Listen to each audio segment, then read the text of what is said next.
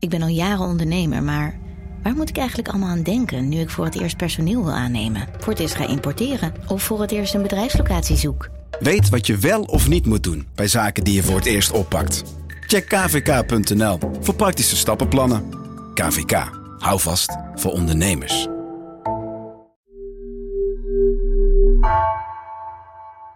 Frans van Winsen is een hele goede visser. Ik ben wel eens met hem gaan vissen op de, de buurt van uh, Leiden. Heeft een bootje en dan... Het is wel heel leuk om met hem dan over het water te tuffen en uh, af en toe een snoek te vangen.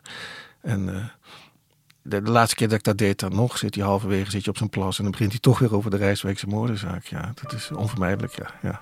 Het is een, nou ja, een zeer gemotiveerde smeris die ook nu die met pensioen is niet kan laten om, om zaken op te lossen. Ja omdat hij vond dat er uh, niet dat gedaan werd wat nodig was om de zaak vlot te trekken. En, uh, onwil en uh, ja, hij deed alles aan om, om, dat dossier op tafel te leggen. Zodat je ook daar aandacht aan ging besteden.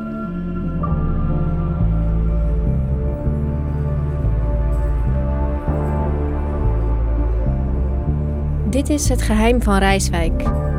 Een audioproductie van NRC. Mijn naam is Anna Korterink aflevering 6. Een zeer gemotiveerde smeris.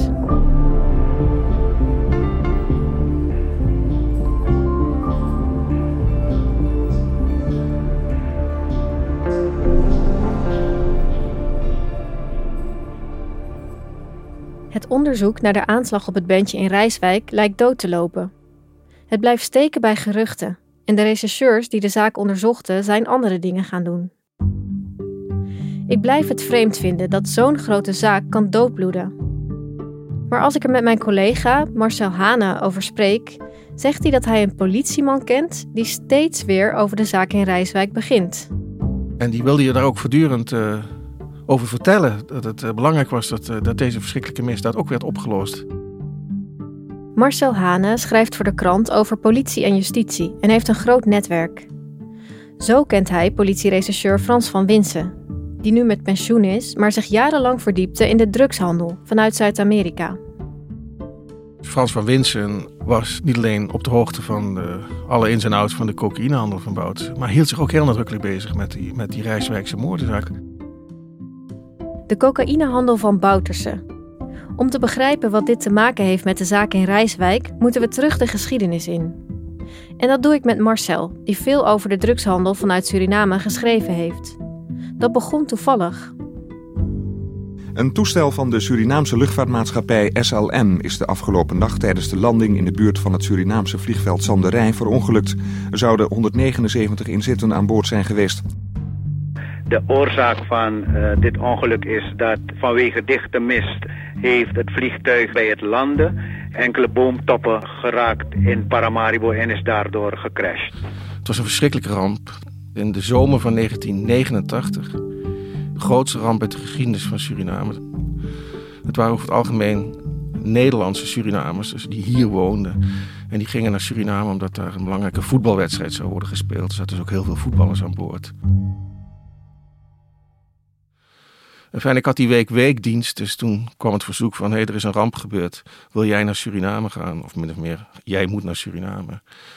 Dus toen vloog ik voor het eerst van mijn leven naar Suriname. En, uh, en na het schrijven van de eerste artikelen ben ik in contact gekomen met uh, de belangrijkste rechercheur van Suriname op dat moment. En, uh, een politieman die in Nederland was opgeleid en die na zijn studie aan de politieacademie in Apeldoorn terug was gekeerd uit een zeker engagement, omdat hij zijn land vooruit wilde helpen.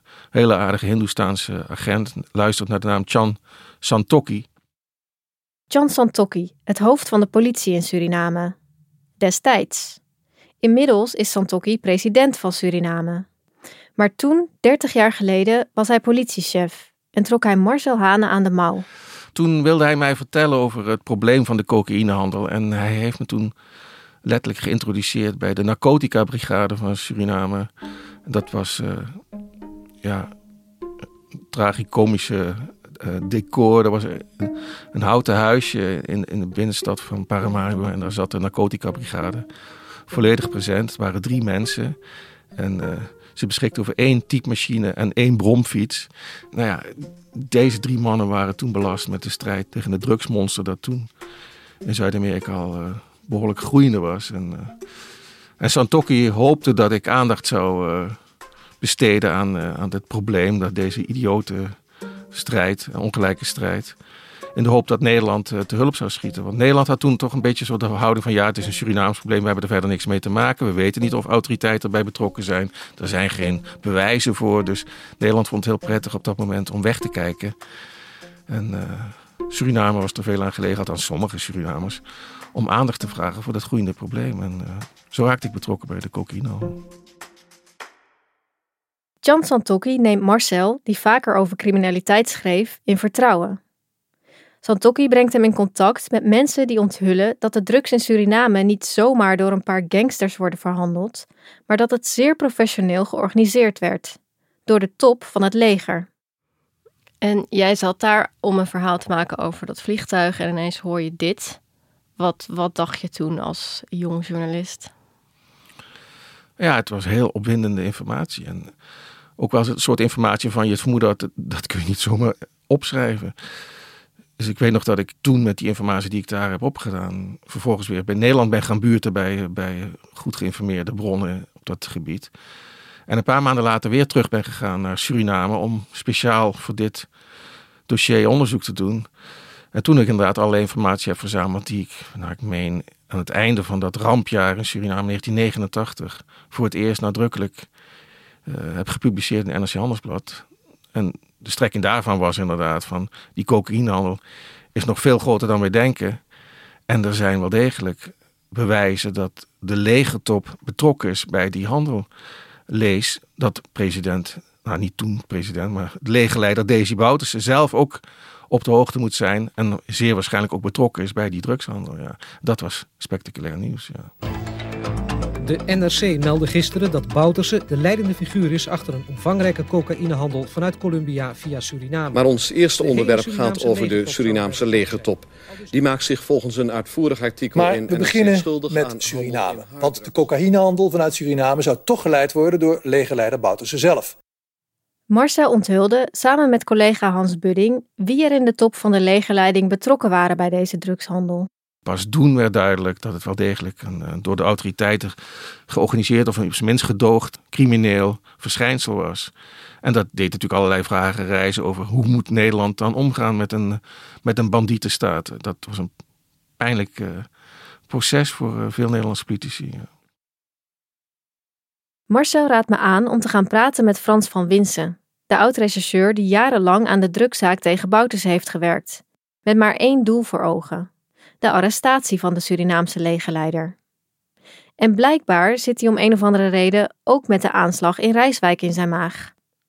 Mirjam en ik zoeken Van Winsen op. Hallo. Hi, treed verder. Dank u, dank u. In de catacombe. Hij woont in een statig huis in de bossen. Aan de muur hangen foto's van kleine vliegtuigjes in een tropische omgeving. Drugsvliegtuigjes, vertelt hij, als ik er naar vraag. Ik kan me herinneren dat we zelfs een vliegtuig, een, een, een, een, transatlantische vlucht vanuit Suriname, dat was toen geregeld. Een directe vlucht van Paramaribo naar Oostende. Een hele gekke plaats natuurlijk. Als je daarbij na gaat uh, denken, dan denk je, dat is heel, heel apart. Dus een klein vliegveldje. En daar kon ook nood kon daar een, uh, een fors vliegtuig landen. Nou, daar kregen we lucht van. Dat was heel grappig, want dat vliegtuig landde daar. was een, gehuurd vliegtuig met een, eh, met een uh, Amerikaans, ook een ingehuurde piloot. En dat landde daar op Oostende. En dat was heel grappig om te zien, want dan ging er een, een vliegtuigtrap tegenaan. Nou, en daar kwamen allemaal donkergekleurde mensen uitrennen met, met koffers en noem maar op. En die gingen dan een soort, soort loods binnen.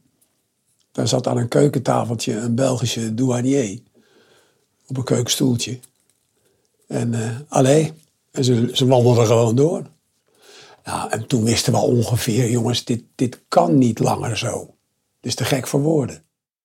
Het verhaal dat Van Winsen hier vertelt, vormt mede aanleiding voor de start van een grootschalig onderzoek, COPA. Het COPA-team, dat Dat, dat, dat naam heb, die naam heb ik toen aangegeven, cocaïne Paramaribo. Ja, hoe simpel is het? Dat was uw idee? Om... Ja, oh. ja, ja, ja, ja, ja. Cocaïne uit Colombia die via Paramaribo in Nederland terechtkwam. Dat is wat het COPA-team onderzocht. De opdracht was in ieder geval om aan te tonen dat de, de legerleider, de, de, de, de, de, de leider van Suriname, betrokken was bij de export van cocaïne. Toenmalig minister van Justitie Ernst Heers-Ballin maakte 4,5 miljoen gulden vrij. Hij zette een team van 35 mensen voor tenminste twee jaar aan het werk om de Surinaamse legerleiding voor drugs te kunnen arresteren. Dit COPA-onderzoek werd aangestuurd door officier van justitie Charles van der Voort.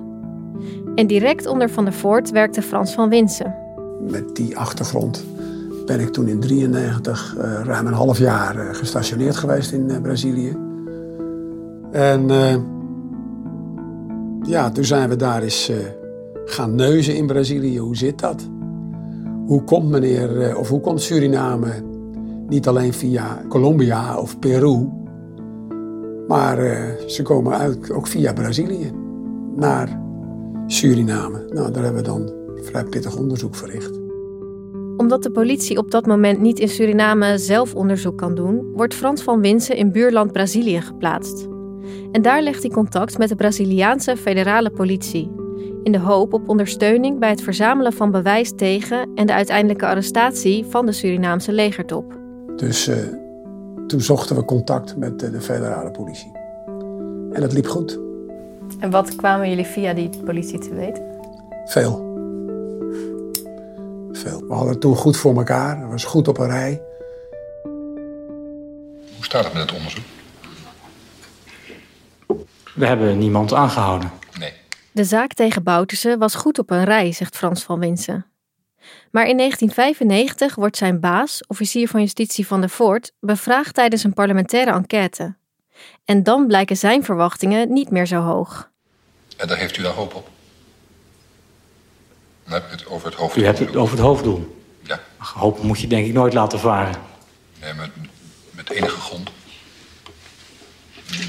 Ik vraag u niet om precies te zeggen wat u exact gaat nee, u vraagt, u vraagt mij nu naar, naar de stand van het nee, Ik vraag of u, of u hoop heeft dat het... De commissie van Tra was ingesteld om onderzoek te doen naar de Nederlandse opsporingsmethode op het gebied van drugs. Er zouden expres drugsladingen zijn doorgelaten om grote spelers in het circuit te achterhalen. Dat was omstreden, omdat er daardoor heel veel drugs in Nederland kwam. Ook het COPA-onderzoek van Van der Voort en Van Winsen werd onder de loep genomen. Vragen of u, of u hoop heeft dat het ooit tot aanhoudingen op grond van de doelstellingen van het onderzoek kan komen? Nee, die hoop heb ik niet. U heeft niet de hoop? Nee. Laat staan dus de verwachting? Laat staan de verwachting. Maar dat is nogal wat. Dan bent u toch erg met een krankzinnig avontuur bezig. Afgezien van alle successen die u wel boekt. Ja, afgezien, afgezien van alle successen. Die moeten vooral niet vergeten worden. Maar uiteindelijk is het iedereen natuurlijk te doen om die ene. Uiteindelijk is het iedereen natuurlijk te doen om die ene. Met die ene bedoelt Van der Voort Daisy Bouterse, het hoofddoel van het COPA-onderzoek. Er is toch ook toen u eraan begon op deze manier... toch ook gesproken met hoger hand... ja, uh, wat voor politieke implicaties kan dat hebben? Hoe kunnen we dat doorzetten? Correct. Zouden die mensen eventueel wel in de kraag kunnen vatten of niet? Ja, ja dat soort vragen zijn in orde geweest, ja. Van der Voort blijft vaag in zijn antwoorden. Maar laat wel doorschemeren dat niet iedereen zat te wachten op het behalen van dat einddoel. De arrestatie van Bouterse. Waren er nu uh, bepaalde ministeries die in feite zelfs misschien hoopten dat, of in ieder geval dachten dat er niks van terecht zou komen? Kan ik niet uit eigen waarneming bevestigen. Maar uit tweede hand? Ook uit tweede hand niet. Een derde? Het zou mijn eigen hand moeten zijn. Goed. Ik heb wel het, als u vraagt naar mijn indruk, dan kan ik u wel zeggen dat ik de indruk heb dat er verschillende ministeries bij gebaat zijn als het onderzoek toch niks wordt. Zoals? Zoals die ministeries die gebaat zijn bij een vlekkeloze samenwerking met Suriname. En dat was? Dat kunt u beter uittekenen dan ik. Nou, u zegt maar ja of nee. Was het buitenlandse zaken? Bijvoorbeeld. Als ik het verhoor met Van der Voort terugkijk, vraag ik me af wat hier nu precies gebeurt. Er zit hier een officier van justitie te vertellen over een groot onderzoek naar de Surinaamse legerleider die verdacht wordt van drugshandel. En uit alles blijkt dat hij er eigenlijk geen vertrouwen in heeft dat het zin heeft wat hij aan het doen is. Hoe kan dat? Ik vraag mijn collega Marcel Hane hoe hij hier naar kijkt. Waarom was dit zo ingewikkeld? Omdat Nederland zich gewoon geen raad wist. Die man had het voor het zeggen. Wat moesten we doen? Nederland wist zich geen raad gewoon. Nederland wist zich geen raad met Bouterse, zegt Marcel. In 1986 werd al eens een poging gedaan om een arrestatie voor te bereiden. Maar die is voortijdig afgeblazen en aan de Amerikanen overgelaten. En de Amerikanen zijn traditioneel uh, hebben minder remmingen bij het aanpakken van, uh, zeker bij drugsverdachten. Dus een van de interessantste acties die, die gebeurd is, is dat uh, de Amerikanen uiteindelijk de rechterhand van Daisy Bouterse, Etienne Boerenveen, hebben gearresteerd in een undercover actie. En in die zin waren de Amerikanen ja, doeltreffender en slagvaardiger dan de Nederlanders. Ja. Iets houdt Nederland tegen. Het onderzoek naar Bouterse is opgestart, maar komt niet tot een daadwerkelijke aanhouding. Frans van Winsen ziet in deze periode een kans om meer bewijsmiddelen tegen Bouterse te verzamelen. Als Bouterse naast de drugshandel ook nog gelinkt kan worden aan een misdrijf op Nederlandse bodem, is de kans op vervolging nog groter. Toen wisten we al, ik wist in ieder geval al, dat er in Rijswijk iets gebeurd was op eh, politiek niveau tussen Suriname, eh, zeg maar eh, aanhangers van Bouterse en tegenstanders van Bouterse. Dat, dat wisten we natuurlijk wel. Maar in je recherchebrein, in je politiebrein, ga je denken: waar moet je die Boutersen nou oppakken? Is het alleen maar op die drugs? Op die cocaïne? Of heeft hij ook iets in Nederland echt? Er was informatie, daar was ik van overtuigd. Alleen je moet het wel vinden, je moet er wel wat voor over hebben. Alleen het is nooit goed uitgediept. De zaak in Rijswijk is nooit goed uitgediept, denkt Van Winsen. Wat er wel gebeurt is dat officier van justitie van der Voort een gerechtelijk vooronderzoek start. Bedoeld om te kijken of Bouterse ook gelinkt kan worden aan de aanslag in Rijswijk. En dat haalt het nieuws. In een uiterst vriendelijke sfeer liet Desi Bouterse zich deze dagen vereeuwigen met zijn advocaat Abraham Moskovic. Dit gaat, dit, dit, gaat de boeken in. Dit. Nu, 17 jaar na zijn militaire coup, heeft hij de Nederlandse advocaat hard nodig. Want uit de COPA-dossiers, de bouwstenen voor het proces tegen Bouterse, blijkt nu dat hij niet alleen van cocaïnehandel wordt verdacht, maar dat hij ook wordt verdacht van mogelijke betrokkenheid bij een in 1985 te Rijswijk gepleegde moord, CQ doodslag. Als dit bekend wordt, nodigt actualiteitenprogramma Nova de advocaat van Bouterse uit in de studio, Bram Moskovic. Nu heeft u misschien uh, sinds vanavond weer een probleem bij, althans het is in de openbaarheid gekomen via het journaal, dat de heer Bouterse niet alleen beschuldigd wordt van alles waar hij al van beschuldigd werd, ja. maar ook van uh, betrokkenheid bij of zelfs uh, moord en doodslag. Als voorbeeld werd genoemd de moordaanslag in Rijswijk in 1985. Ja. Wat is uw reactie daarop? Ik heb dat gehoord. Het, dat is een, ik spijt me te moeten zeggen, maar dat is een kanaar van uw collega's van het NOS-journaal. Ik weet waar men op doelt, maar goed lezen is ook een vak. Er is een anonieme getuige in het dossier. En die meneer die zegt... ik heb een van die daders herkend... als te zijn een kennis van meneer X. En die meneer X is weer een kennis van meneer Y. En meneer Y heeft iets te maken met de Surinaamse ambassade. Jumping to conclusions, volstrekte kolder. En dat ook de politie en justitie dat als zodanig hebben ingeschat... mogen blijken uit het feit, en dat is de journalisten kwalijk te nemen... dat er een onderzoek is gevolgd op die bewering van die anonieme getuigen. En dat daar verder niets uit is gekomen...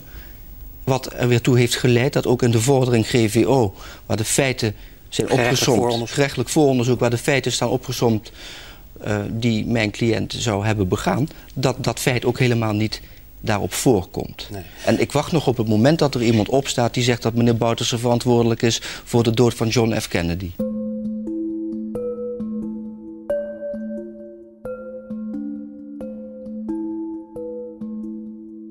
In 1997, toen, toen was ik op vakantie in Portugal trouwens met vrouw en kinderen. En uh, toen werd ik gebeld door iemand, een opsporingsambtenaar. En die zei, waar ben je?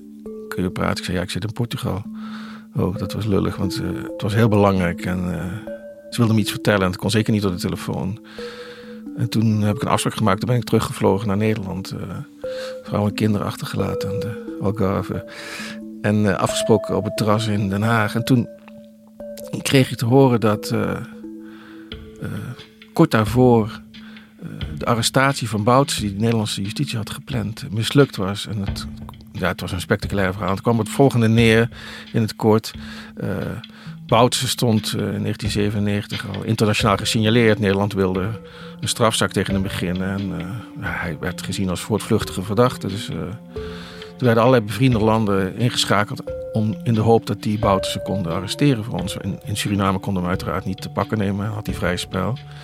Een van de landen waar Boutersen graag kwam was Brazilië. Dat is ook heel begrijpelijk, want het is het leukste land van de wereld. En daar ging hij vaak op vakantie en makkelijk bereikbaar vanuit Suriname. En er had zich een moment voorgedaan dat een medewerker van de Nederlandse ambassade in Brazilië zelf had gezien dat Bouterse gereisd was met een vliegtuig van Paramaribo naar eh, de Braziliaanse stad Belém. En toen heeft die man gelijk alarm geslagen. En er was een ambtenaar op de Nederlandse ambassade in Brazilië. Die had een arrestatiebevel in zijn la liggen letterlijk voor het moment suprême. Dus die werd gealarmeerd en de Braziliaanse autoriteiten moesten verwittigd worden van willen jullie overgaan tot de arrestatie van de toenmalige legerleider nog uh, in Suriname, Desi Bouterse. Maar dat moest dan toch via de ambtelijke molen verder verlopen. Dus uiteindelijk werd minister Zorgdrager, uh, die was minister van Justitie in Nederland, gevraagd van het is zover, kunnen we aan de gang gaan? En zij zei van ja, dan moet ik toch nog even overleggen met de minister van Buitenlandse Zaken. Dat was haar partijgenoot Hans van Mierlo. En Hans van Mierlo, die toen ook op vakantie was, die heeft tegen haar gezegd, volgens mij begon althans toen daarvan, dat kunnen we beter niet doen. Uh, van Mierlo uh, wilde niet dat Bouters gearresteerd zou worden. Het was onduidelijk toen waarom. In ieder geval vond hij dat het verzoek niet aan de Braziliaanse tijd, autoriteiten moest worden overgebracht. En die arrestatie van Bouters is dus ook niet doorgegaan.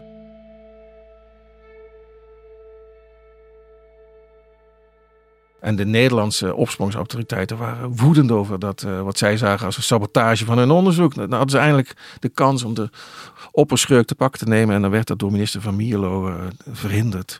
Dus dat verhaal wilden ze me vertellen. Maar ja, toen, toen verscheen die krant. Van Mierlo was woedend. Enfin, Van is uiteindelijk door, tot de orde geroepen in het parlement om uitleg te verschaffen hoe dat zat. En Van heeft toen verteld dat hij inderdaad die arrestatie heeft verhinderd van Boutsen.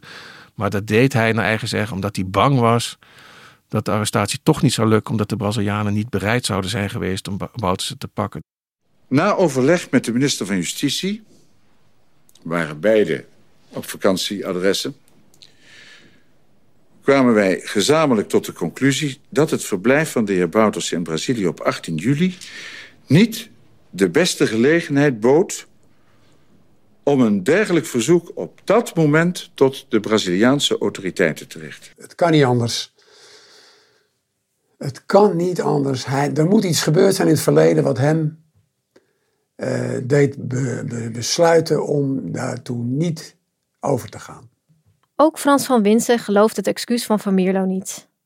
Hij heeft er zo zijn eigen ideeën over. Want wat hij zelf zei in de Kamer toen, uh, tijdens die debatten, was... ja, we wisten niet zeker of Brazilië uiteindelijk wel zou Onzin. meewerken. Onzin. We zaten er heel dichtbij hoor. De federale politie wist precies wanneer hij binnenkwam. Dus wij ook. Hm. Ik heb het altijd heel, heel ordinair gezien. Van Milo was een bon vivant. Gek op drank en vrouwen. Eh, dat kwam ook omdat ik hem... Ik kende hem uit de tijd dat hij nog als... Uh, als jonge god hier in, uh, in de kroegen zich daar buiten ging met een, een van zijn broers. Toen dacht ik, jij bent daar gewoon gevoelig voor. En het zal me niet verbazen, dat, dat, dat was later. Wat is nou simpeler om een, uh, om een man die gek is op drank en vrouwen, hoe kan je die nou het beste... Maar ja, het is gokken hè. En dat, dan zegt u dus eigenlijk, uw idee is dat hij misschien chantabel is geweest. Dat dacht ik, ja. En dat dat ertoe heeft geleid dat Bouterse in de jaren negentig niet werd opgepakt. Dat, dat was mijn idee toen, ja. ja. ja. Een chantabele minister van Buitenlandse Zaken. Hoe geloofwaardig is dat? Ik sla de biografie over Van Mierlo erop na, die is geschreven door Hubert Smeets. In die biografie reist het beeld van een man die graag in de kroeg ging en zich moeilijk aan één vrouw kon binden. Maar hoe bijzonder is dat? En het is nogal een grote stap om dan te zeggen dat iemand chantabel zou zijn. Ik leg het aan Marcel voor.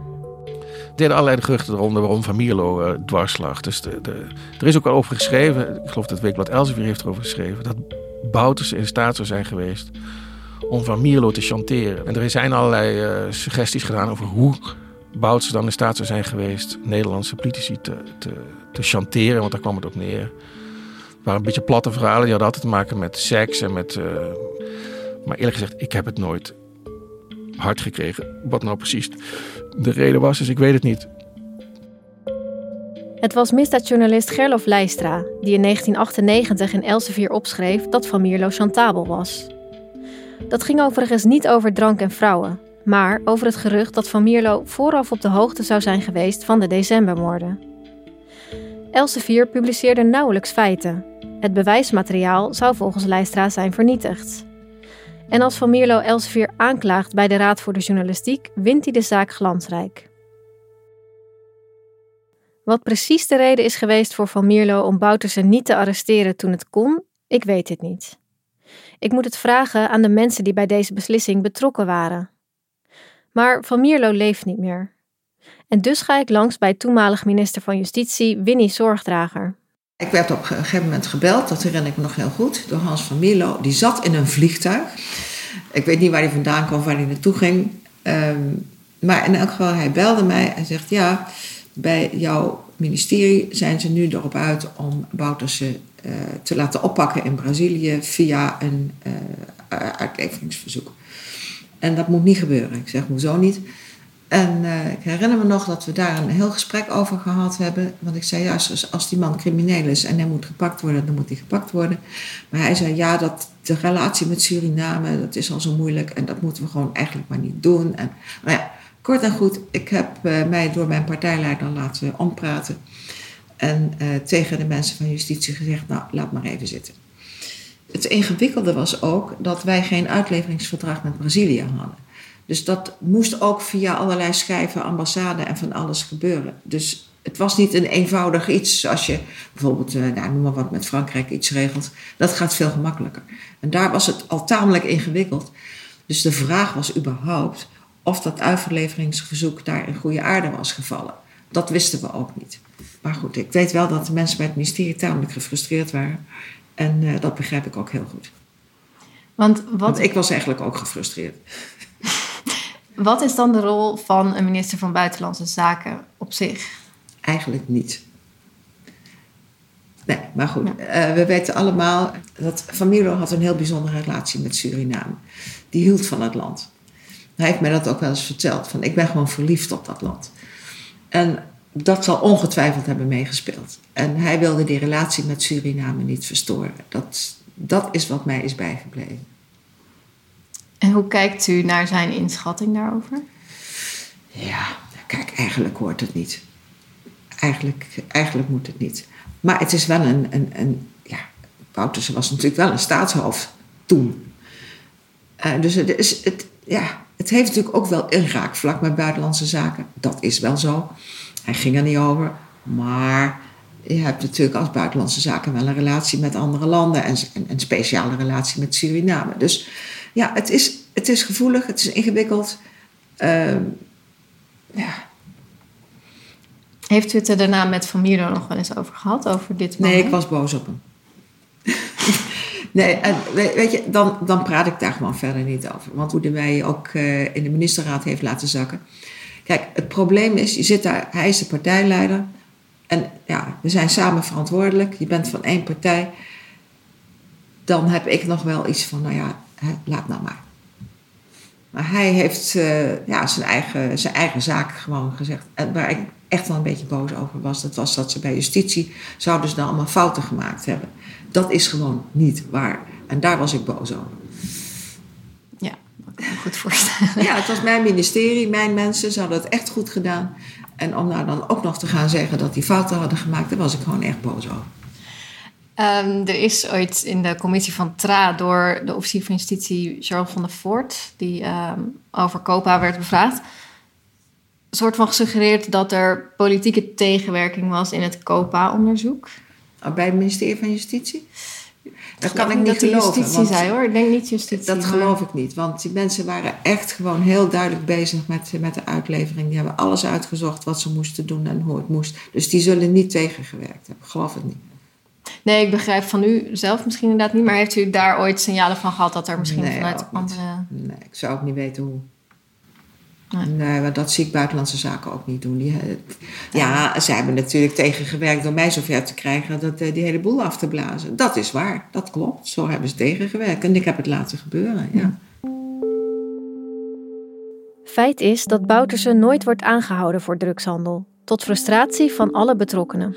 Ze hadden zich zitten verkneukelen op het eh, enorm feestelijk moment dat ze de, de, de, de, de hoofdboef te pakken hadden.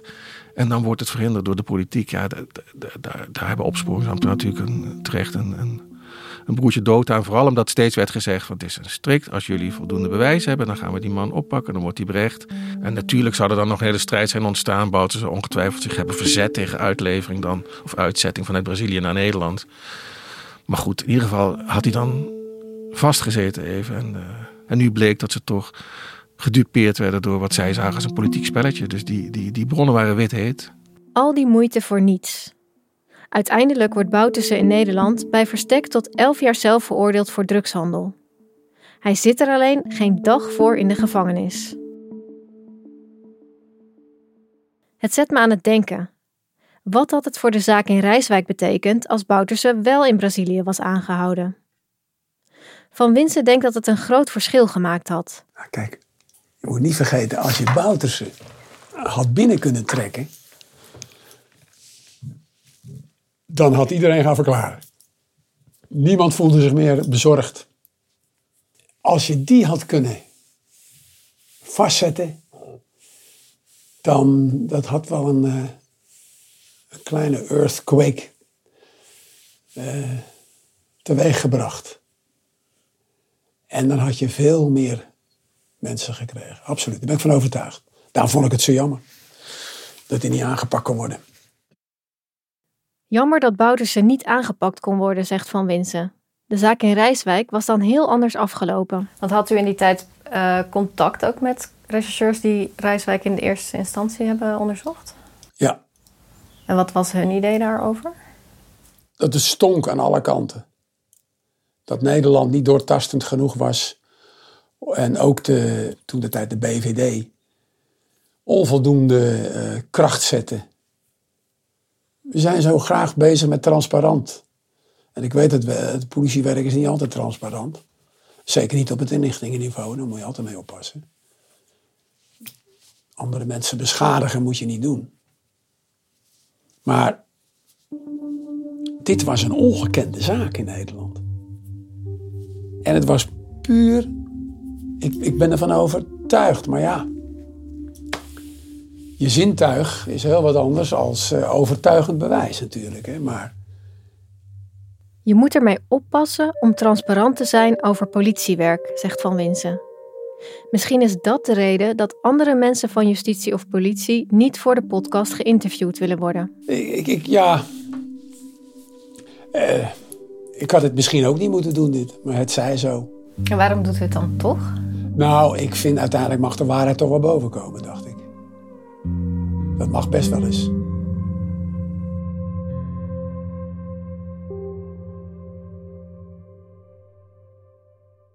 Volgende keer in het geheim van Rijswijk. 25 februari, toch? Ja. 15 februari. 16 februari. 19 maart. Dat kan toch niet? Van 16 februari gaat het naar 19 maart? Vermiste maan. Ze wisten inderdaad wel een heel gedeelte. Why? Omdat het staatsgeheim is. Dit is Het Geheim van Rijswijk, een podcast van NRC. Gemaakt door mij, Anna Korterink en Mirjam van Zuidam. De montage werd gedaan door Jan-Paul de Bond en de muziek door Rufus van Baardwijk. Eindredactie is in handen van Hans Budding. We hadden deze podcast niet kunnen maken zonder Anne Moraal, Wubby Luijendijk, Nina Jurna, Marcel Hane, Herman Staal, Guus Valk en Ruben Pest. Volgende week een nieuwe aflevering. Kun je niet wachten en wil je meteen verder luisteren? Je vindt de volgende aflevering nu al in de NRC Audio-app. Daarvoor heb je geen abonnement nodig. In deze podcast wordt een aantal namen genoemd. Ook van mensen die in gesprekken met betrokkenen of op basis van documenten als mogelijke verdachten worden aangemerkt.